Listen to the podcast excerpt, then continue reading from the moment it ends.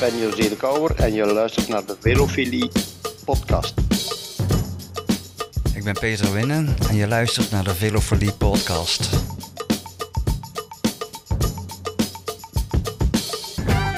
De Velofilie podcast.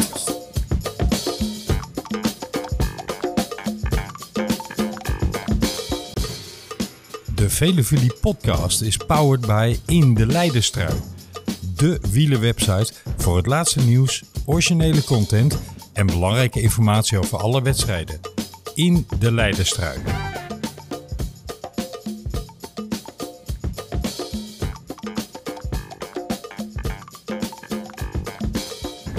Goedemorgen, middag en avond, beste wielervrienden en vriendinnen. Welkom bij weer een nieuwe Velofilie podcast, waarin we het uiteraard uitgebreid gaan hebben over, kan niet anders zeggen, die schitterende koers.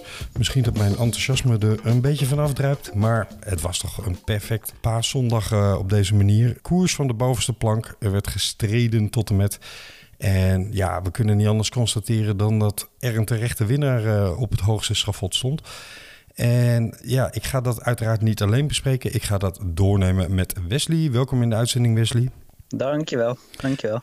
Weet je waar um, op een of andere manier het mij een beetje aan deed denken? Aan van die sportmomenten, Wesley, waarin heel lang er een soort van indruk is, of uh, je, misschien is dat onbewust ook je verlangen, maar dat je denkt, nou, die en die partij in deze en deze wedstrijd heeft toch wel een beetje de bovenhand. En je verwacht daar op een gegeven moment een uitkomst op. Een voorbeeld wat mij te binnen schoot was de Champions League finale van 1999 tussen Bayern München en uh, Manchester United. Waarbij Bayern München tot, nou wat was het? Ik meen de 90ste minuut met 1-0 voor stond. En dan denk je, nou, Katimbakki, Duitsers, die spelen dat uit. En in de, extra, in de extra tijd scoorde Manchester United op zijn Duits twee keer. En uh, liet een, een, elftal verbijsterde Duitsers op het veld achter. Terwijl ze de beker in de, in de hoogte tilden. Dat gevoel had ik een beetje vlak na de finish. Ik zat eigenlijk ook een beetje zo op de bank. Gebeurd? Ja, precies. Had jij dat ook? Ja, nou ja, ik, ja, ik zat inderdaad te kijken en ik, ik zat al helemaal in mijn hoofd met... oh, Van der Poel die twee keer op rij de Ronde van Vlaanderen wint... en wat dat allemaal gaat betekenen voor zijn carrière. Ja, en ik had allemaal romantische scenario's in mijn hoofd te halen. En dan wint Askreen. ja. Ook een romantisch scenario, maar dan wel in Deens. Um, ja. ik, het is jammer dat ik geen Deens kan, want de ochtendbladen morgen zullen toch wel interessant zijn om te lezen. Zullen wij de Toch koers... misschien een keer leren die taal. ja, precies. Al is het maar omdat er een, uh, een pak sterke Denen aan het rondrijden is. Uh, jongens, uh, zullen wij de koersjes bij de kop vatten, Wesley? En nou, laten we beginnen met bijna het allereerste begin van de koers. Want uiteraard reed er een vroege vlucht weg. En dat is niet zo verschrikkelijk interessant om uh, die namen door te nemen. Maar wel dat ze 11 minuten ruim, bijna 12 minuten voorsprong hadden. Of ruim 12 minuten zelfs. Dat is niet zo heel vaak gebeurd in de Ronde van Vlaanderen. En ik heb ook het idee dat het peloton daar op een gegeven moment iets te veel de touwtjes liet vieren. En op een gegeven moment ook dacht, hmm, oeps. Ja, op een gegeven moment was het inderdaad een beetje zo dat ze dachten van... Uh, nu moeten we er echt aan, aan, gaan trekken, anders uh, zien we ze niet meer terug. Precies. Want op een, op een kilometer of honderd van de meet hadden ze echt nog tien minuten of zo. Ik weet even niet of dit exact klopt, maar iets in die, in, iets in die richting. En dat was dus gewoon een, een minuut per 10 kilometer. En hm. nou, dat is de magische regel natuurlijk. -hmm. die al onderhand elke week achterhaald wordt. Maar goed, we gebruiken hem nog steeds. Met sprintersploegen, um, ja. Ja, nee, precies. Dus het is, het is in zo'n zo'n klassieker is het natuurlijk wel wat anders. Um, maar goed, op het moment dat het peloton echt daadwerkelijk ging versnellen, vloog het voorsprong er ook wel echt af. Ja, het ging best hard. Er gebeurde overigens nog wel een opmerkelijk incidentje daarvoor. Uh, twee eigenlijk, die we moeten doornemen. Eén was een akkefietje tussen Astana, het zal ik je niet, en Alpes in Phoenix. Waarbij uh, Vergaarde van Appels in Phoenix zei... Uh, ja, hij kneep nogal rigoureus in zijn remmen. En uh, daardoor kwam ik en Pustelberger bijna ten val. En uh, dat lokte bij mij een reactie uh, ja, in het heetst van de strijd uit. Zijn momenten die in koers veel vaker gebeuren hoor. Alleen het was een beetje dom om dat pontificaal voor de camera te doen. Dat vond ik ook, ja. Dat, ik bedoel, die camera's die zie je ook. Hè? Die, die reden twee meter voor, voor hem. En als vergaarde zie je die camera's toch ook, zeg maar. Het zijn geen GoPro's die je over het hoofd kan zien, hè? Het zijn echt heel groot. Het geeft wel aan dat zijn emoties echt overhand namen. Hè? Dat hij dat ook helemaal niet meer in de gaten had. Dat is wel zo. Maar ehm, ja. Ja. ik zag eerlijk Ja. gezegd op de beelden ook niet dat er heel hard geremd werd hoor. Dat moest ik inderdaad ook lezen in het verhaal eh, erbij geschreven. Dat, de, het remmen dat kon ik ook niet waarnemen op, op de beelden. Aan de reactie te zien van de andere renners die er omheen eh, reden, moet er wel echt iets gebeurd zijn. Want ze Ja. namen het allemaal, die eh eh, Fedorov, een beetje kwalijk van Astana. Ja. Dus er, er, er is wel iets gebeurd, maar ja, om dan zo te reageren, ik bedoel, die, die, die, camera's die zitten echt gewoon vol in je gezicht. Dat, dat, dat weet je. En dan, en dan ja. Vind je Ja, ik terecht? weet niet wat ik dacht. Ja, vind je terecht dat ze uit koers genomen zijn? Als we toch met z'n allen bezig zijn om, om die sport eh, veiliger te krijgen, dan moet je elkaar vooral niet voor de, voor de wielen gaan rijden, toch? Ja, aan de andere kant, er wordt zoveel geduwd en getrokken en gesmeten en gekwakt in een peloton. Alleen zie je het meestal niet, of niet zo pontificaal. Dus ja, het hoort ook een beetje bij de koers. Ik ben het wel mee eens hoor, veiliger eh, is absoluut aan te raden. Dus ehm, ik vind het wel terecht hoor dat ze er iets aan doen. Een Ik andere... moest een beetje aan, eh, aan eh, Tony Martin versus eh Ja. Rowe denken in de Tour de France. Precies, precies. En toen vond ik het eerlijk gezegd ook al onterecht hoor. dus wat dat betreft ben ik rechtlijnig. maar, maar misschien zeggen heel veel mensen nu, ja, stom, dom, gevaarlijk moment.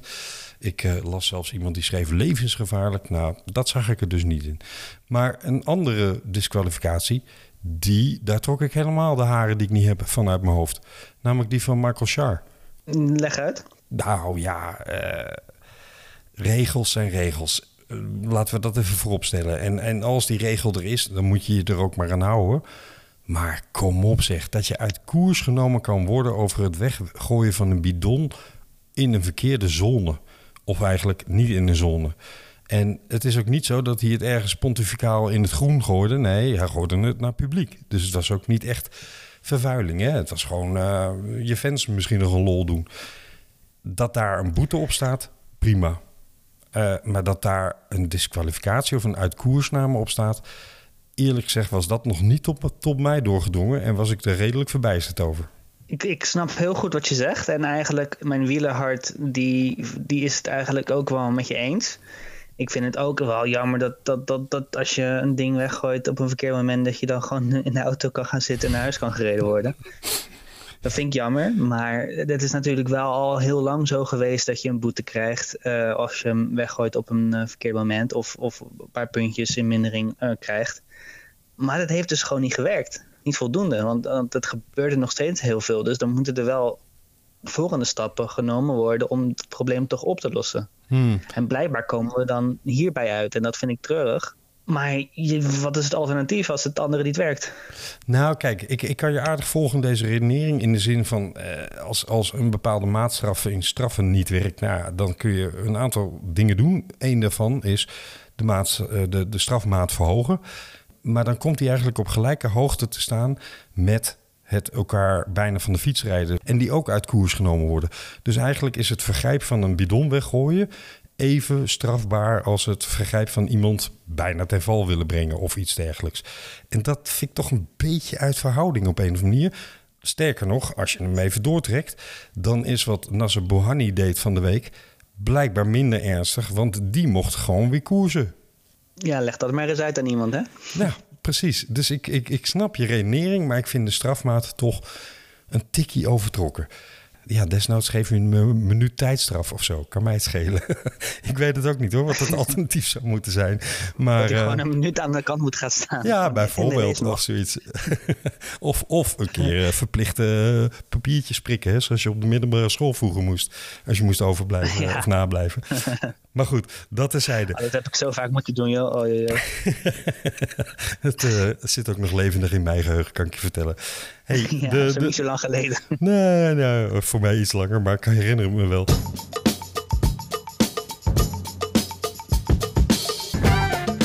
De koers ontplooide zich eigenlijk lange tijd niet.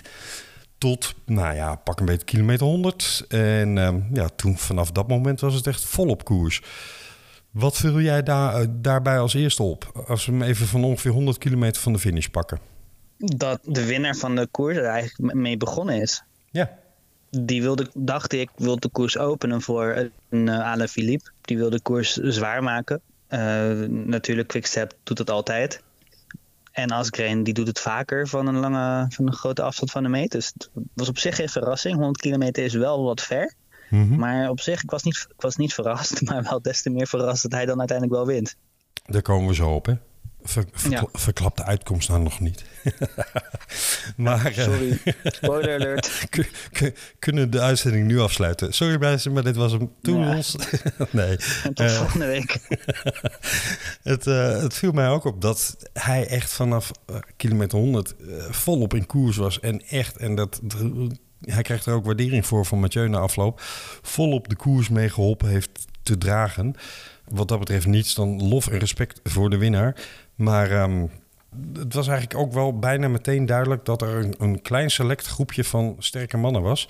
En dat lang niet iedereen er uh, goed bij uh, kon blijven. Wat vond jij van um, bijvoorbeeld het rijden van AG Dezer? Die heb je eigenlijk uh, redelijk weer, zoals de traditie dit voorjaar ook vertelt, achter de feiten aan zien rijden, toch? Ja. Van Avermaat was niet goed. Dat zei hij zelf ook in een, in een interview na de wedstrijd. Ja, als je, zei, als je derde wordt, ben je, ben je goed genoeg om derde te worden. Hè? Maar hij was niet goed genoeg voor de winst, zeg maar. Nou, hij zei zelf wel echt uh, dat hij uh, zeker niet bij de drie beste hoorde, zei hij. Nee, klopt. Hij kon niet volgen. Nee. Dat, en hij, ik heb hem ook een paar keer echt wel falikant zien lossen. En gewoon, hij kon echt niet mee soms. En dan bedoel ik niet, hij kon niet mee met Van der Poel, maar hij kon ook niet mee met een, ja, een Seneschal daarachter. Hij zag echt een paar keer misschien ook wel in een derde groepje.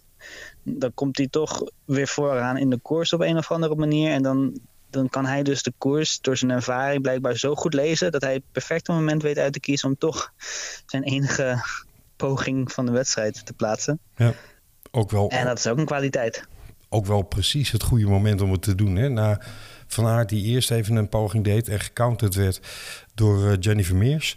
Uh, die een buitengewoon goede koers rijdt. Hè? Die man die rijdt er ook een uh, strak voorjaar hoor, in dienst van. Ja, die rijdt er een keistrak voorjaar en uh, heeft toch aardig gebuffeld voor de mannen. Maar um, hij werd gecounterd door Vermeers, Van Aert. En ja, je zag de moedeloosheid een beetje bij Van Aert.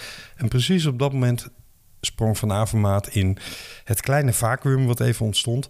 Jasper Stuyver was er redelijk als de kippen bij om in het wiel te springen ik had op dat moment gedacht: oké, okay, uh, hoe gaat Van Avermaat hiermee om? Want die naar de finish brengen, stuiven dus. Ja, dat is gesneden koek. Hè? Dan weet je wel uh, hoe de sprint tussen die twee gaat aflopen. Hmm. Dat zou je zeggen, ja. maar daar hadden we het nog eentje van, hoor. ja, als je de eerste drie sprints bekijkt van, uh, van de Ronde van Vlaanderen van dit jaar, dan heb je dus uh, de sprint om de winnaar, maar dat mogen we nog niet vertellen, dus dat zal ik nog even niet noemen. Uh, dan daarachter heb je de sprint tussen Van Avermaat en Stuiven, waarvan je verwacht dat Stuiven wint, maar die wint voor Avermaat. Mm -hmm. En daarachter klopt Van Marken van Aert. Ja, nou, Van Marken heeft wel een aardige sprint hoor.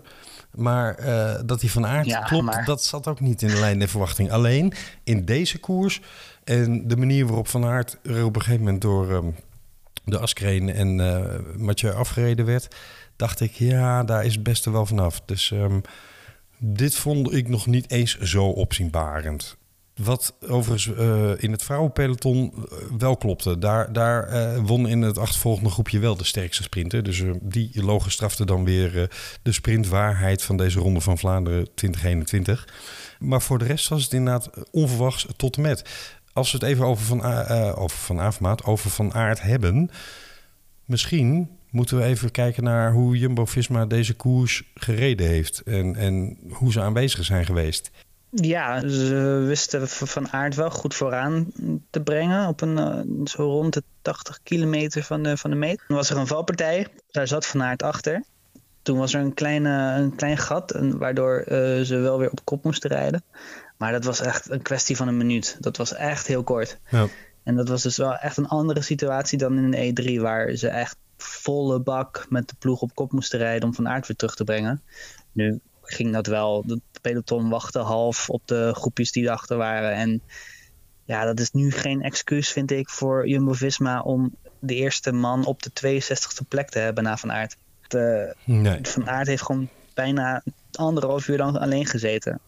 Nou denk ik overigens Ja. dat het de uitkomst ten aanzien van hoe goed Van Aert in vorm was niet beïnvloed heeft. Hè. Ik denk dat hij het ook niet gered had als hij meer mannen om zich heen had gehad. Maar eh, als ik Van Aert was, zou ik nu wel Michel Wuits bijvallen eh, door te zeggen ja. Hier ontbrak toch wel een beetje in de breedte van de ploeg het een en ander. En het is eigenlijk grappig, want daar waar het altijd over Alpes in Phoenix gezegd werd, hopelijk, want tot voor kort werd het nog gezegd, hebben ze dat voor, vind ik, in ieder geval dit voorjaar toch wel aardig gelogen gestraft. Zo van, ja, die ploeg die is niet op, eh, op punt voor het eh, niveau waarop Mathieu rijdt. Maar als je tweede en zevende in de koers wordt, dan laat je toch wel zien dat je in de breedte goed vooraan meegedaan hebt. Dat hebben ze ook in, andere koersen kunnen laten zien. Dus eh, Alpes en Phoenix, die doet echt niks onder voor alle andere teams. Alleen voor Quickstep. Maar Quickstep is misschien ook wel het enige team in de World Tour. Ja, dat, dat echt een volledig bijna is ingericht op de voorjaarsklassiekers. Dus dat, die vergelijking kun je niet echt maken, vind ik. Maar als, als klein ploegje dat is gegroeid naar wat ze nu zijn, dan kan je daar alleen maar je pet voor afnemen. Dat ze hier gewoon eh, bij de beter horen. En ik ben ook, ook heel erg benieuwd wat ze straks in de Giro kunnen, waar eh, Vermeers ook gaat starten. Ja, die gaat even rust pakken, vertelde die. En dan eh, in de voorbereiding naar eh, de Giro. Mathieu gaat iets anders doen. Die zei na afloop vol dankbaarheid van... nou, ik ben blij dat ik over een week mijn mountainbike mag oppakken. Volgens mij had hij, Ja. had hij het wel even gehad met dat op de weg zitten. Alsof hij een eh, heel schooljaar erop had gezien zitten en eh, op vakantie mocht. Ja, Zo precies. klonk het bijna. hè? Alsof hij eindelijk lol mocht hebben.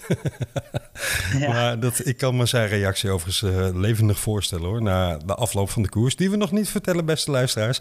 Want die houden we nog even tot het slotstuk natuurlijk. Andere opvallende punten. Ja, ik vond eerlijk gezegd toch opvallend. En, en misschien moeten we ook die parallel nog eens even doortrekken. Hoe het rijden van Alaphilippe de koers in het begin wel deed ontbranden tussen de toppers, de favorieten.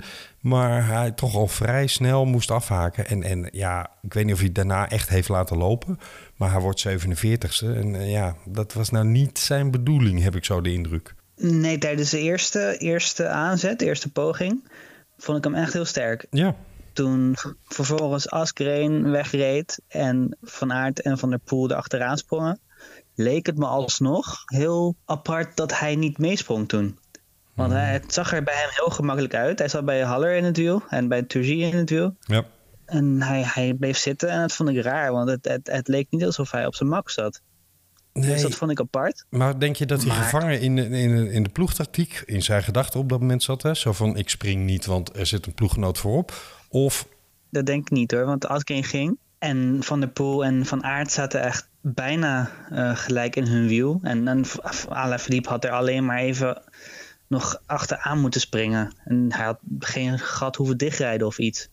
Dus als, als Van der Poel en Van Aert gelijk achter Askreen aanspringen... dan moet je als Alaphilippe eigenlijk altijd mee zijn, ja, ik, denk ik. Ben ik met je eens, maar tegelijkertijd, hij mocht het ook aan de anderen overlaten om dat gat te dichten, hè, voor zover mogelijk. Want rijdt hij er naartoe en neemt Turgis bijvoorbeeld in zijn wiel mee, kan hij natuurlijk ook het verwijt krijgen, ja, je brengt Turgis terug naar, eh, naar, naar Askreen. Dus eh, is dat dan weer slim, weet je wel? Ik vond het niet zo eh, raar hoor, wat hij daar deed. Maar achteraf, denk ik, was het waarschijnlijk niet uit luxe dat hij bleef zitten. Nee, dat denk ik inderdaad nu ook. Toen die andere groepen bijkwamen, eh, was het snel klaar weer met Alaphilippe. Ja, behoorlijk. We moeten misschien concluderen, kijkend naar het voorjaar van Van Aert, eh, het voorjaar van Alaphilippe en het voorjaar van Mathieu van der Poel, hoewel alle drie toch wel enigszins verschillend in, in de opbouw van hun vormpiek, maar dat de Tirreno er misschien toch wel iets te hard ingehakt heeft tussen die drie. Want dat wat ze in Strada met z'n drieën aan het doen waren, en eigenlijk misschien nog wel met z'n tweeën, Hè, daar haakte Van Aert ook nog wel wat eerder af. Maar konden we toen nog zeggen, ja, die zit nog in de opbouw. Ehm, daar heb ik toch wel een beetje mijn vraagtekens over. Zeg maar het, het, het vermogen wat je in dat zesde uur nog hebt uh, na zo diep gegaan te zijn. Je zou zeggen, gezonde jonge mannen, die moeten toch na een paar weken lang hersteld zijn. Maar ze zijn echt wel diep gegaan in die trainer. Dus keihard gekoerst, koude, vieze omstandigheden. Uh, die solo van Mathieu, hè, diep gegaan over 50 kilometer. Ja, misschien was dat toch net, net dat laatste stukje wat hij tekort kwam. En waarvan vorige week hij al begon met roepen. Ik ben uh, aan het afbreken in plaats van uh, nog, nog in vormpijl omhoog aan het gaan. Toen dachten we allemaal, nou, dat is bluff. Hè? Dat doet hij, hij verstopt zich. Ehm, dwars door Vlaanderen heeft hij ook gekoerst. Zo van, nou ja, spielerij. En ik verstop me een beetje, want dan ben ik wat minder favoriet.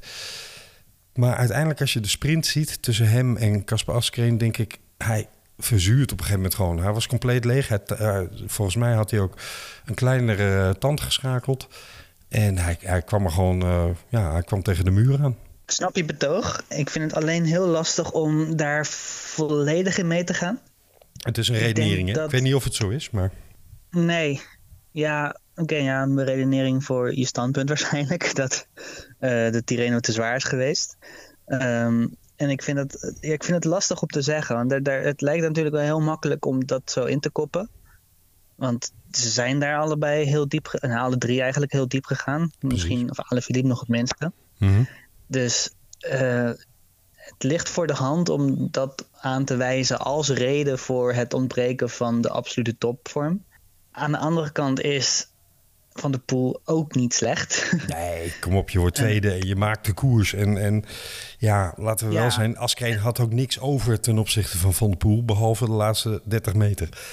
Dus ja, we kunnen niet zeggen dat hij slecht nou was. Hè? Heb je nou de winnaar al verteld trouwens? Oh, oeps. Scherp. ja. Ja, nou, um, laten we dan maar naar die sprint gaan, uh, zou ik zeggen. Nee, ja, kijk, het was geen, geen uh, uitroepteken achter mijn betoog, maar een vraagteken. Hè, van, kan dat een oorzaak zijn? Ik ben heel benieuwd wat de evaluaties vanuit Kamp Alpes in Phoenix, Jumbo-Visma... en um, wat de Ardennen-koersen gaan laten zien over het vormpeil van uh, Alaphilippe. Maar wat de evaluaties ja. vanuit Jumbo-Visma en Alpes in Phoenix gaan brengen de komende tijd over ja, was dit nou ja. een goede voorbereiding of was er toch iets wat ze volgend jaar anders willen doen? Ik ben daar benieuwd naar. Ja, het, kan, het, kan, het kan sowieso een reden zijn natuurlijk. Hè. Dat, dat, dat, dat sluit ik zeker niet uit. En ja, zoals ik al zei, het lijkt me wel aannemelijk. Alleen, we moeten wel ook gewoon even kijken naar de feiten. En, dat, en die zijn dat Van Aert en Van der Poel tijdens de Ronde van Vlaanderen van vorig jaar... wel echt met kop en schouders erbovenuit staken. Ja. Maar verder is dat in de Vlaamse klassiekers ook nog niet heel vaak gebeurd. Nee. En het is misschien ook wel uh, wederom terecht om op, op Henny Kuiper te wijzen... die weliswaar, als het, toen het ging over uh, Milaan Sanremo... maar wel wees op van jongens, ga nou niet te veel mee... Uh, jongens van de pers en iedereen die over wielrennen praat zoals wij doen... ga nou niet te veel mee in dat de grote drie, de grote drie roepen... want je doet er anderen zoveel mee tekort... Ja, dat, dat hebben we toch wel gezien. Hè? Dylan van Baarle, die een geweldig exploot had uh, in dwars door Vlaanderen. Caspar Askreen, ik ga het nu doen, maar definitief echt verklappen. Hè? Die, uh, ja, die magistraal gekoerst heeft vandaag in, uh, in Vlaanderen, in de Ronde van Vlaanderen. En, en gewoon een terechte winnaar is. Kun je echt helemaal niets aan afdoen. Want wat een ongelofelijke bikkelkoers heeft die gereden. En ja, zijn, zijn vreugdekreet op de meet was eigenlijk de samenvatting van zijn voorjaar. Dikke pluim, hè? Niks, uh, kun je niks op aftekenen. En, en je mag wel zeggen dat hij gewoon op uh, hetzelfde niveau opereert op dit moment. Zo niet hoger. Zo niet hoger, want hij wint. En de winnaar heeft altijd gelijk. Maar ik ben dus benieuwd of men uh, inderdaad constateert aan de hand van de waardes enzovoorts... dat Mathieu achteruit aan het gaan was. En of ze dan voor volgend jaar nadenken over... moet hij nog steeds die piek hebben richting het WK... als hij dat dan zou gaan rijden, WK veldrijden. En hoe gaan ze dan die, die periode daartussen richting hopelijk volgend jaar wel een ronde en het weekend daarna Parijs-Roubaix. Hoe gaan ze dat overbruggen? Um, wordt ook in het najaar interessant om even te gaan kijken hoe ze het dan aanpakken. Want dan hebben we natuurlijk het WK in België. En een week later hebben we Parijs-Roubaix, die verplaatst is. Dus dat wordt ook nog wel een soort van uh, mini-Vlaanderen Parijs-Roubaix-achtig uh, weekje. Dus ehm, ja, interessant om te kijken hoe men het dan gaat aanpakken qua vormopbouw. Voor nu, Casper Askreen wint dus Ronde van Vlaanderen en uh, doet dat magistraal.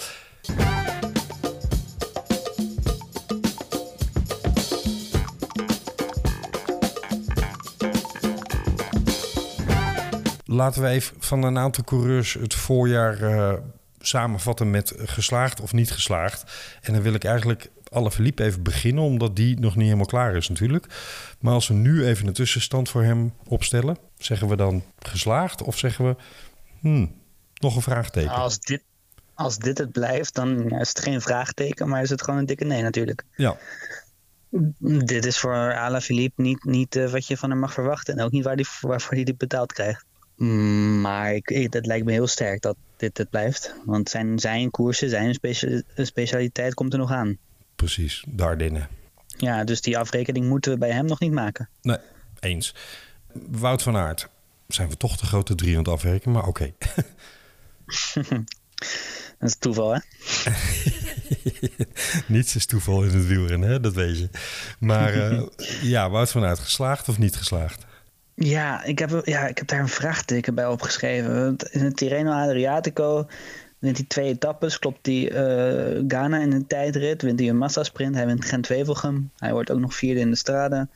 Hij wordt uh, zesde in de in Ronde van Vlaanderen. Ja, hij lijkt het is, minder Het is te goed om het mislukt te noemen. Ja, ja dat, nou, hij wint wel een massasprint natuurlijk. Ja, precies. Uh, hij is anders explosief ja. geworden. Ja.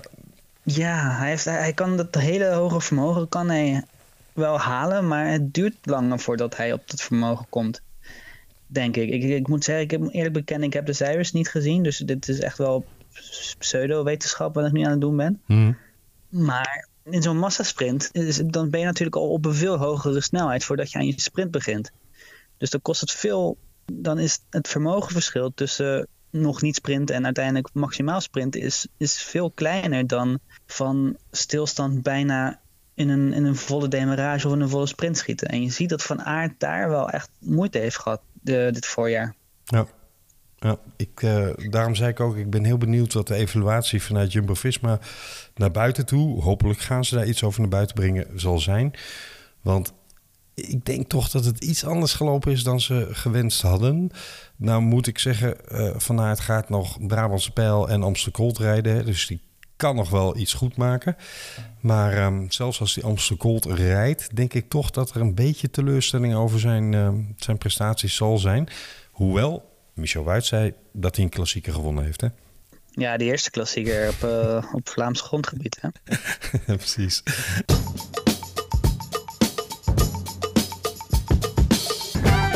Laten we naar uh, de sprint gaan tussen Mathieu en Askreen. Want dan kunnen we daarna Mathieu doornemen.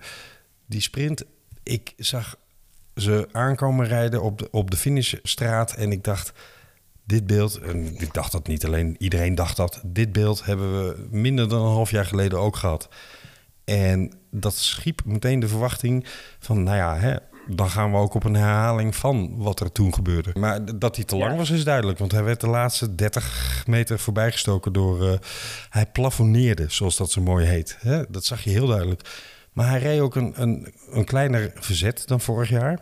Uh, had hij waarschijnlijk bewust gestoken, omdat hij waarschijnlijk voelde... ik heb de macht niet meer om uh, het grootste mes rond te krijgen... Ja, het leek ook nog even alsof hij een, een misschakel of een mis... Uh, ja, alsof er iets met zijn ketting gebeurde. Want hij had een klein gek sweepertje naar rechts toe. Um, kan ook gewoon kracht op de krenk zetten... waardoor hij een beetje uit balans raakte. Maar wat het ook was, het was niet de beste sprint die we van Mathieu gezien hebben. Um, hij zei ruiterlijk na afloop van... nou ja, best heeft gewonnen. Maar had hij de sprint anders kunnen aanpakken in jouw ogen? Ik vind het heel, heel lastig in een, in een sprint uh, met twee. Want hij is natuurlijk ook afhankelijk van wat Asgreen doet. Ja. Asgreen die ging de sprint best, best vroeg aan. En dan, ja, dan, dan moet je reageren, want anders is de vogel gevlogen. Ja, hij had hem misschien iets zwaarder kunnen steken. Dat hebben natuurlijk heel veel al gezegd. En hij, het leek ook wel een beetje alsof hij zijn kracht niet helemaal kwijt kon. Nee. Maar um, ja, hij moet het echt hebben van zijn mega versnelling. Zo'n zo'n explosie die heel kort is, maar wel waarmee hij echt een afstand creëert tussen, tussen de concurrent. En dat doet hij heel goed op die kasseibergjes. Dat doet hij in elke, elke veldrit ergens in de winter. Ook vorig jaar in de Ronde van Vlaanderen in de sprint. En, maar dat was nu dus ja, iets, iets langer. En, en je ziet ook dat op het moment dat Asgreen aanzet, blijft Van der Poel nog wel voor. Maar heel langzaam, maar heel zeker komt Asgreen er langs. En Asgreen komt op hetzelfde niveau en Asgreen gaat er voorbij. En dan, ja, dan zie je toch dat Van, dat van der Poel nog die echte lange sprint nog niet in zijn benen heeft. En, en, en ja, dat mm, ja, ook wel logisch misschien als je zo, zo veelzijdig bent dat je dat dan niet kan. Als dat het enige is. Ik ben het helemaal met deze sprintanalyse eens. Um, wat dat betreft is hij hem van te ver aangegaan in de sprint met Askreen. Want je kon zien dat Askreen wel nog bovenop uh, het, het opvangen van uh, Mathieu uh, opvangen als je op kop rijdt. Maar oké, je snapt wat ik bedoel. Hij kon nog dooraccelereren. Of althans, hij kon in ieder geval uh, dat grote mes blijven draaien. En Mathieu zag je inderdaad op een gegeven moment echt plafonneren. Ja, die moest gaan zitten. Die kon gewoon uh, dat versnellingje niet rondkrijgen. Maar ik vraag me ook af of hij het goede had gestoken. Had hij misschien toch betere, grotere versnelling kunnen proberen. En dan maar doodgaan. Maar ja, dat is achteraf een koer in de kont kijken. Hij feliciteerde hem heel sportief. Askreen prachtig mooie winnaar. Heeft werkelijk gekoerst ja, met, uh, hoe ze het in het Spaans zeggen, cojones. Um, hij heeft initiatief genomen. hij kon Mathieu eigenlijk op elk beslissend moment counteren. Er was even zo'n moment was het op de Paterberg of was het op de Oude Kwaremond... dat ik dacht, ah, nu komt Mathieu los. Waarbij die echt heel explosief, precies wat jij net beschrijft... heel explosief omhoog aan het rijden was. En um, ja, waar, die, waar Askreen eerst even moest lossen... Hè, het moment dat, dat Wout van Aert uh, plafonneerde en los moest laten... Uh, daar dacht ik, nou, hij heeft nu een klein gaatje. Hij had een aantal meter, maar het was niet genoeg om, uh, om echt door te pakken. Dus ja, Askreen was gewoon op, op minstens zo sterk, zo niet sterker, want die wint de koers. Uh, maar die heeft tactisch ook gewoon goed gereden. We hadden als punt opgeschreven: was het nou slim dat hij met Mathieu van der Poel mee ging rijden? Hij zei zelf na afloop: ja, want dan kun je een sprint met twee controleren en een sprint met drie vind ik toch lastiger. Daar, daar is natuurlijk niks aan gelogen. als je een sprint wil, ja, als je een sprint wil con controleren, is die natuurlijk is het makkelijker met z'n tweeën. Alleen vraag ik me af van tevoren of je als Asgreen een sprint met Van der Poel moet willen controleren. Dat lijkt me niet. Nou ja, of hij was zodanig overtuigd van zichzelf, hè? Dat hij, dat hij dacht, nou, ik ga met Mathieu, ga ik hem wel aan. Ja, dat, dat, dat, zou, dat zou kunnen, maar ja, heeft een van ons Asgreen ooit zien sprinten? Nee. Ik, ja, hoe, hoe zou je dan zo zeker van jezelf zijn? Misschien doet hij het heel goed op de training hoor. Dat hij alle verliep elke week uh, vier keer klopt. Dus ik weet het niet. Maar ja, ik vond het apart dat hij maar mee bleef rijden met uh, Van der Poel. Want Seneschal zat erachter en die is ook niet langzaam. Dus hij had heel makkelijk tegen Van der Poel kunnen zeggen... hé hey, luister eens, ik blijf lekker in je wiel zitten. Ik wacht op Seneschal en uh, je zoekt me uit. Ja. Op, op vijf, vijf kilometer van de meter of zo. Maar hij bleef meerijden. Ik vond het wel prachtig dat hij dat bleef doen. Want juist dat hielp de koers dragen. En uh, ja, dat maakte ook dat... De, het kan ook een psychologisch spel zijn geweest. Hè, dat hij uh, zich... Uh, want hij gaf zelf na afloop ook aan... Ik voelde me echt tot de laatste meters van de koers nog heel goed. En dat hij dus ook heeft gedacht... Ja, tactisch steekspel mijn neus. Ik ga hier gewoon meehelpen met, met deze vlucht. Zodat Mathieu ook denkt... Oeh, oeps, die, die verstopt zich niet. Want Mathieu is wel echt een roofdier. Dat hij bijvoorbeeld in Strade bij, uh, bij Alaphilippe. Dat die beurtjes korter waren. Dat hij af en toe eventjes oversloeg. Ja, dan moet je Mathieu... Uh, het is wat dat betreft net een, een wolf. Als hij bloed ruikt, dan, dan slaat hij toe. Dus misschien heeft hij wel heel erg met dat idee... onbewust in zijn achterhoofd gewoon doorgekoerst met Mathieu. Maar ik vond het daar des te schitterende. Want ja, het was echt gewoon the best of the rest. Uh, of de, de, de, best of the best moet ik eigenlijk zeggen, niet de best of the rest. De twee sterkste in koers kwamen echt uh, op de meet aan. Prachtig. Ik waardeer het dat er zo gekoers wordt. Ja, het is een zegen voor, voor de sport natuurlijk. Askreen, wat hij in E3 ook al deed. Ja. Dat was, ook, dat, dat was misschien nog wel indrukwekkender dan nu. Dus wat dat betreft, ja, Askreen is voor mij voorlopig wel echt de man van het voorjaar. En dat had ik, ik had niet verwacht dat ik dat zou zeggen. Dan, dan koppel ik daar meteen aan. Hoe is het voorjaar van Mathieu? Hij vindt, hij wint Strade Bianca. Dat is, ja, misschien ben ik, ik ben niet objectief, maar dat vond ik toch echt de mooiste koers van het voorjaar. Eens. Kan je voorjaar nog mislukt zijn als je de Strade wint voor de eerste keer? Mm, nee, geslaagd is zijn voorjaar zeker. Maar ik weet zeker dat hij een ongelooflijk stinkhumeur heeft vanavond en morgenochtend en vannacht. En misschien de komende dagen nog wel tot hij op zijn mountainbike gaat zitten. Dat weet ik wel zeker. Uh, dus... Ja, maar hij, hij, ziet zijn mountainbike staan straks in de scheur en dan denkt hij, oh, maakt het allemaal ook uit, die ronde van Vlaanderen, joh. Misschien uh, zet hij hem vanavond op zijn slaapkamer om alvast een beetje uh, op temperatuur te komen. Want ik vermoed dat hij, uh, dat hij redelijk onderkoeld zal zijn op dit moment. Ik denk dat hij hem gewoon mee in bed neemt, die fiets. Schat, schuif eens op, zit nog een fiets tussen. Ja. ik denk, ja, we moeten gewoon concluderen geslaagd voorjaar. Hè? Kan niet anders. Je wordt tweede in in de ronde. Je wint straden. Uh, je rijdt verder een prima voorjaar waarbij je koersen mee helpt helpen, dragen, ontwikkelen, exploderen. Weinig op aan te merken. Maar toch denk ik dat ze daar een evaluatie zullen doen over hoe gaan we dat volgend jaar aanpakken qua vormopbouw. De Velofilie Podcast. Stuiven, vierde geworden, was op. Hè? Anders uh, sprint Van Avermaat hem er niet uit was ook wel weer de klasse van Van Avermaat hoor, om dat te ruiken en te voelen. En uh, met stuiven dus door te rijden. In plaats, die had natuurlijk hetzelfde kunnen doen als wat jij van Askreen had gezegd. Van, joh, stuiven neem jij het maar op je. Jij bent uh, de Milaan Remo winnaar. Maar um, ja, prima voorjaar ook. Ja, uiteraard. Het, hij zit wel echt bij het uh, kopgroepje in een voorjaar. Als je Milaanse Remo wint en je ook nog bijna op het podium in, uh, in de Ronde van Vlaanderen kan je, daar kan je daar niet veel minder van maken. Ja, hij heeft mij niet geïmponeerd, moet ik zeggen. Nee? Heeft hij? Het is, het is, het is wel een beetje scorebordjournalistiek om hem uh, een goed voorjaar toe te dichten. Want hij wint Milan Sanremo en hij, en hij rijdt goed in de Ronde van Vlaanderen.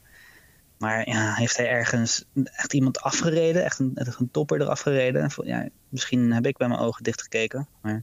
Nee, maar tegelijkertijd, uh, als je wint heb je gelijk. En hij won Milaan Sanremo op een tactisch magistrale wijze. Dus ja, dan kun je toch... Uh, laten we even deze, deze vergelijking maken. Vorig jaar won die in het openingsweekend de omloop. En toen zei Jan en Alleman, inclusief ik... want ik ben wel een fan van Jappe... zei hij heeft de stap gemaakt naar het winnen van een echte topkoers. En dat heeft hij dit jaar wel laten zien. Hij wint Milaan Sanremo dat, ja, daar, opnieuw daar valt geen tussen te krijgen. Maar ik, die omloop, als ik het nog goed voor, me, voor de geest kan halen, was hij daar wel echt de beste. Ik weet nog dat Mike Teuners in die groep zat en, en, en uh, ja. ook wel Anderson, geloof ik. En, en hij loste daar wel echt iedereen. En daar was hij gewoon het beste. Dus wat dat betreft vind ik, ja, er zit nog wel echt een verschil in. Maar dat inderdaad, hij wint Milan Remo op een tactisch prachtige manier. Dus ik, ik, wil ook helemaal niks afdoen aan zijn overwinningen. Echt alle, alle, alle kudo's voor, voor, voor, zijn, uh, voor zijn voorjaar. Moeten we niet ja. gewoon, Wesley, want daarom moest ik bijna lachen, moest, moeten we niet gewoon concluderen dat Stuiver een heel goed voorjaar rijdt, maar dat het niveau van zeg maar de top 10, 20 zo bizar hoog is dit voorjaar, dat eigenlijk er bijna niemand domineert een enkele koers, maar niet een heel voorjaar. Dat ben ik wel echt met je eens. Ik wil dat, ja, je ziet dat heel veel, dat veel meer renners het, het mogelijk achten om die Vlaamse klassiekers te betwisten. Ja. Je ziet ook opeens een Warren Barguil zie je uh, aan het, zijn neus aan het venster steken. Je ziet een Alain Philippe die normaal gesproken alleen in de Ardennen actief was. Je, je, veel meer renners komen opeens ook uh, even kijken in Vlaanderen. En dat, dat, dat komt de koers te goede. Want je ziet inderdaad een veel breder veld. Vroeger had je acht renners. Je had een, je had een Fletcher, je had een Hushoff, je had een, je had een Bonen. En die kon je opschrijven en die zaten dan in de, in de kopgroep. Nu is het echt wel spannender. Je weet niet wat je gaat verwachten. Je weet niet Wacht even, precies ik, ik ga je heel kort onderbreken. Want als je Bonen noemt en niet in één adem Cancellara erbij noemt... Mm, dan moet je dat wel even doen hoor. Ja, Cancellara, dat, dat had, dan had ik me betoog onderuit gehaald. Want dat, oh. die vond ik dus juist nog wel. Ja, die vond nog wel een niveautje erboven, zeg maar. Oké. Dus dat was een bewustie. Alright. Hey, over dominant zijn in een koers. Dat is een mooi bruggetje naar uh, de dames. Want allemaal magisch. Om Bassie maar weer te citeren. Annemiek van Vleuten. Die uh, wint op magistrale wijze de dameskoers. Rijdt op de laatste keer uh, de Paterberg iedereen naar Gort. Althans, haar goort op 10 seconden. Uh, maar ja, met haar tijdrijcapaciteiten kon ze dat volhouden tot aan de finish. En ehm, daar was stiekem iets aan het gebeuren wat ik niet gehoopt en ook niet verwacht had. Namelijk Marianne Vos, die volledig explodeerde. En ehm, terugviel in de koers en, en de kopgroep niet meer kon volgen. Ja, dat vond ik jammer. Zeker. En na, na, na Gent-Wevelgem had je dat ook niet hoeven verwachten natuurlijk. Precies, ja. Maar daar... Maar die Van Vleuten, die, die, die, die Paterberg van Van Vleuten, die, reed, die Paterberg is 300 meter, 400 meter en die reed gewoon iedereen op 500 meter. Kan eigenlijk helemaal niet, maar het gebeurde wel. Ja, ik, ik, ik eh, zat te kijken en ik dacht als ze nog iets meer kracht gaat zetten, dan trapt ze echt de kanker eh, eruit. Want die, die was een potje power op eh, de pedalen aan het leveren. Jongens, haar fiets was er ook niet blij mee, zullen we maar denken. Ehm, maar bevestigt wel weer haar specialiteit op dit soort eh, explosieve klimmen.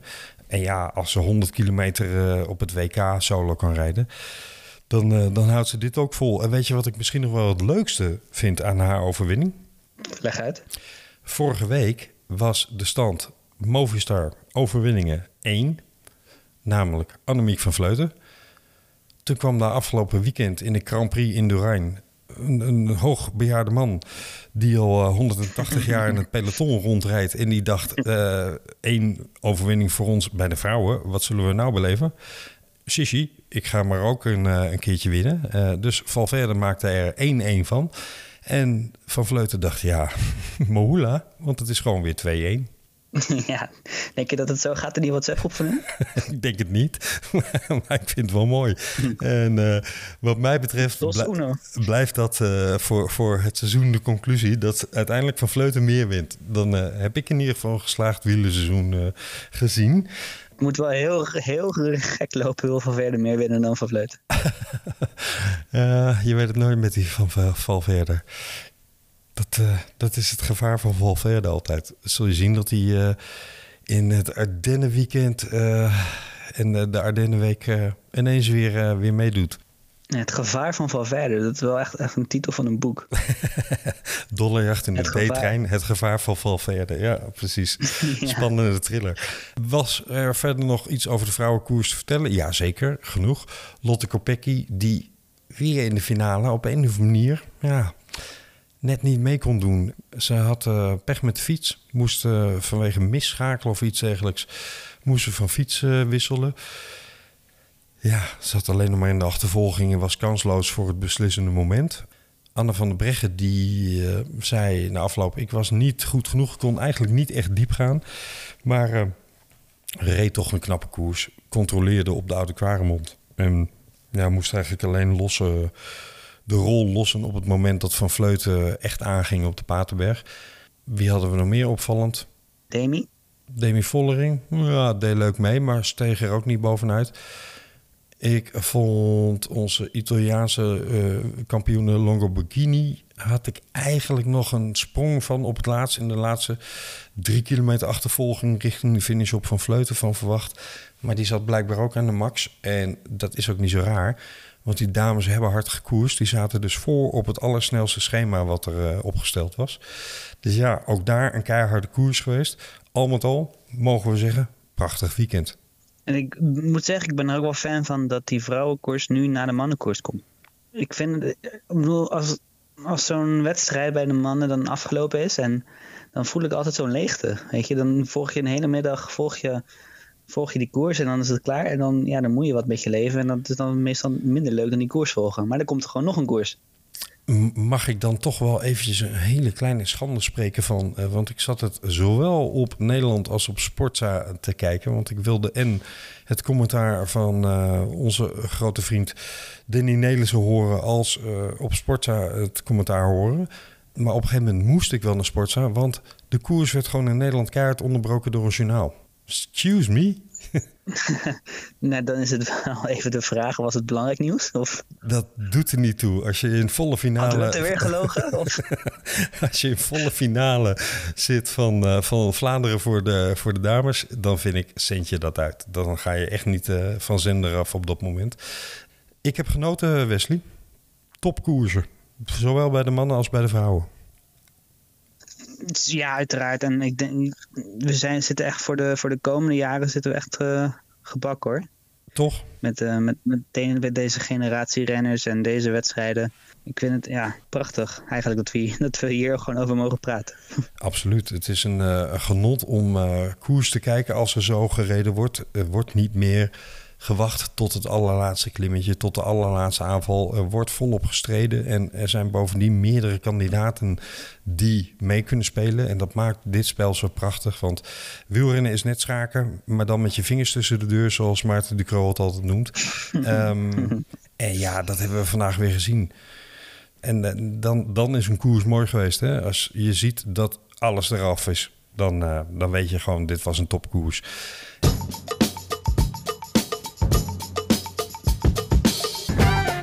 Ik heb ervan genoten, maar het staat nog niet stil. Want jij bent iets minder fan, maar ik vind altijd de Vlaamse uh, wedstrijden prachtig. Maar ik geniet er ook nog van dat we daarna de Ardennen en Amsterdam Cold Race krijgen. Gelukkig dit jaar ook weer een Amsterdam Cold Race. Helaas geen Parijs-Roubaix, maar die is gelukkig wel verplaatst. Maar heb jij zin in uh, het Ardennen drieluik? Zeker, ja, zeker wel. Ik ben heel erg benieuwd naar hoe uh, de Amsterdam Gold Race gaat zijn met dat parcours. Ja. Ja, jammer dat Van de Poel er niet uh, gaat starten. Ik snap het wel weer met zijn mountainbike. Ik ook heel erg benieuwd dat Van, van Aert kan. Want in de editie die Van de Poel was hij ook, uh, stond hij ook aan de start. En dat was niet best. Er werd geloof ik iets van 60 stof, 50 stof, iets in die richting. Dus misschien dat hij beter kan doen dit jaar. Roglic gaat rijden. Ook, ook heel mooi. Ik denk dat hij daar echt goed uit de voeten kan. Als iemand in ieder geval vertelt welke, welke bochten hij moet nemen en zo. dat, dat moet Lance Armstrong ook nog steeds uh, uitzoeken hoor. Die weet nog steeds niet waar hij toen de tijd gereden heeft. zo zijn er meer. Maar, uh, ja, moet gewoon de hele dag in de schaduw van Roglic rijden en zeggen waar hij heen moet. En ja, er zijn er meer hè, die uh, een weekend, uh, of een weekend die een, uh, een seizoen even verlengen richting de Amsterdam Gold Race nu Parijs-Roubaix weggevallen is. Maar we hebben ook nog een andere koers. Schijnt nog iets met een rondje te zijn. Daar heb jij even je in verdiept. Ja, mag ik het Spanje noemen of is dat verboden? Nee, ga je gang. Nou, in het Baskeland. de Basken worden er boos om, maar die luisteren dit toch ja. niet.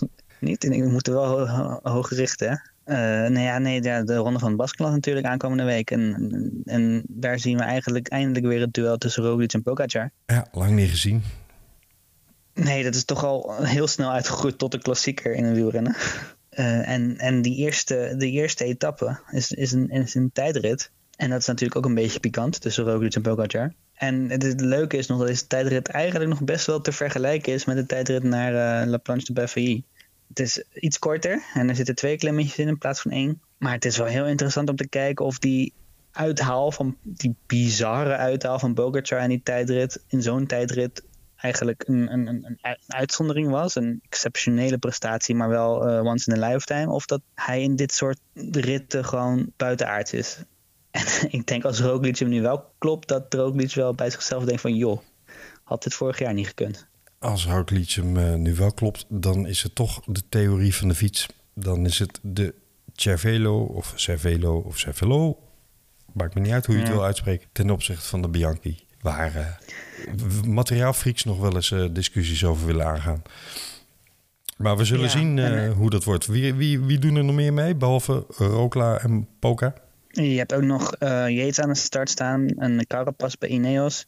En vooral ook heel leuk om te zien is dat uh, bij uh, Bora staan Kelderman en Poegman allebei aan de start. En dat is toch leuk om te kijken hoe die combinatie gaat. Kelderman was goed in Catalonië. Ja. Dus ik ben benieuwd of hij daar weer een stap heeft gezet. En nou ja, het, het hele parcours in het, in het Baskeland, dat, dat, elke dag gaat het op en af en het houdt maar niet op. Alleen in de vijfde etappe is er een kleine kans op een sprint. Maar zelfs dat is niet zeker. En, en de rest van de etappes, dat is gewoon vuurwerk. Dus ja, ga vooral niet werken mensen. Ga gewoon kijken. Is dit de koers, zeg ik dan even gokkend, is dit de koers van de comeback van een sprinter? Nee hè? Dat is later nog. Fabio Jacobs heb ik het over. Mm, als hij zijn comeback in Baskeland maakt, dan moet hij wel, uh, wel heel, erg, uh, heel erg fit weer zijn, denk ik. Want ja. hier zou hij volgens mij niks te zoeken hebben. Uh, nee, oké, okay, nee, nee, nee, daar heb je gelijk in qua parcours bedoel je. Nee, hij staat, hij ja. staat op, aan de vooravond van, van zijn return, van zijn rentree in het peloton. Die, die schijnt weer goed in vorm te zijn.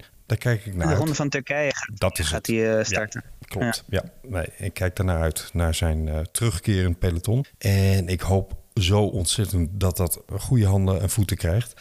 Want dat zou een geweldige opsteker voor hem zijn. Maar ook voor onze gevleugelde vriend uit Amsterdam... die eh, toch wel zal lijden onder de hele gang van zaken. Hè? Hoe dat afgelopen is allemaal. Ik denk inderdaad wel dat dat een, een, uit, een afsluiting kan zijn van het hoofdstuk. Dus wel, eh, ja, ik hoop, ik ben blij dat Jacob Sur fit is en dat het eh, gewoon weer eh, samen met Groenewegen dat ze weer lekker eh sprintduels kunnen gaan uitvechten. We hebben nog wat mooie koers voor de boeg in Baskeland. We gaan nog de Ardennen klassiekers betwisten. Maar stiekem gaan we ook de blik al een beetje vooruitwerpen. Want het is immers ook niet zo lang meer voordat we richting de Giro gaan. Dus we gaan binnenkort, beste luisteraars, ook weer eens wat aandacht geven aan eh, het parcours van de Giro. Wat voorbespreken. Even kijken wie daar allemaal eh, aan de start zullen gaan verschijnen, waarvan het nu al duidelijk is. En met name ook welke doelen daar gesteld zijn voor deze en gene. Heb jij een slotwoord? Wil je nog een, eh, laatste korte, krachtige opmerking over de Ronde van Vlaanderen doen? Is Vermeers een veldrijder? Hmm. Of is het gewoon een alleskunner? Met deze vraag wil ik mensen de week insturen eigenlijk. Huiskamervraag. In ieder geval is het een gouden vent om in je ploeg te hebben. Dat is duidelijk. Mag ik je danken, Wesley, voor je koerswijsheden en je aanwezigheid. We gaan eh, zeer binnenkort weer eens in de microfoon klimmen. Misschien wel als er bijzondere dingen gebeuren in, in Catalonië, in Baskeland. Eh, Oeh, die fout moet ik ook niet te vaak maken, want dat, dat wordt je ook niet in dank afgenomen Echt gevoelig. ter plekke, zullen we maar zeggen. Zou er in Baskeland iets spectaculairs, bijvoorbeeld in de tijdrit plaatsvinden, zou het zomaar kunnen dat wij in de microfoon klimmen. Wil je dat blijven volgen, beste luisteraar? Abonneer je dan even op Velefilie Podcast via Apple Podcast of via Spotify of abonneer je in je podcast Grabber, welke je ook gebruikt. We zijn op diverse platformen te vinden. Ook altijd leuk als je een eh, recensie achterlaat. Kritisch, altijd goed. Opbouwend, nog leuker. En we hebben ook binnenkort de uitslag van onze prijsvraag, want die sneeuwt niet onder Wesley. Van het boek Gesigneerde boek over Henny Kuiper, wat we weggeven voor iemand die een leuke, goede, opbouwende recensie schrijft. En eh, daar gaan we in de volgende uitzending eens een winnaar van eh, bekendmaken. Tot dan kun je ons volgen op Twitter via @velofilie en ook op het leukste platform voor podcasten, namelijk www.vriendvandeshow.nl/velofilie. Je kunt daar je commentaar kwijt op onze uitzendingen als je dat wil. En belangrijker nog, vind je het nou leuk wat we doen en wil je ons daar financieel een beetje in steunen, dan kun je een donatie doen. En met die donatie hebben wij weer meer mogelijkheden om meer te doen. Wordt gewaardeerd als jullie dat doen. Wesley, voor nu, dankjewel. En nog een eh, korte, fijne avond, want we zitten inmiddels op zondagavond half twaalf. Dus hoogste tijd om af te sluiten. Ik ga lekker naar bed. Adios. Ja, hoi hoi. Hoi. hoi.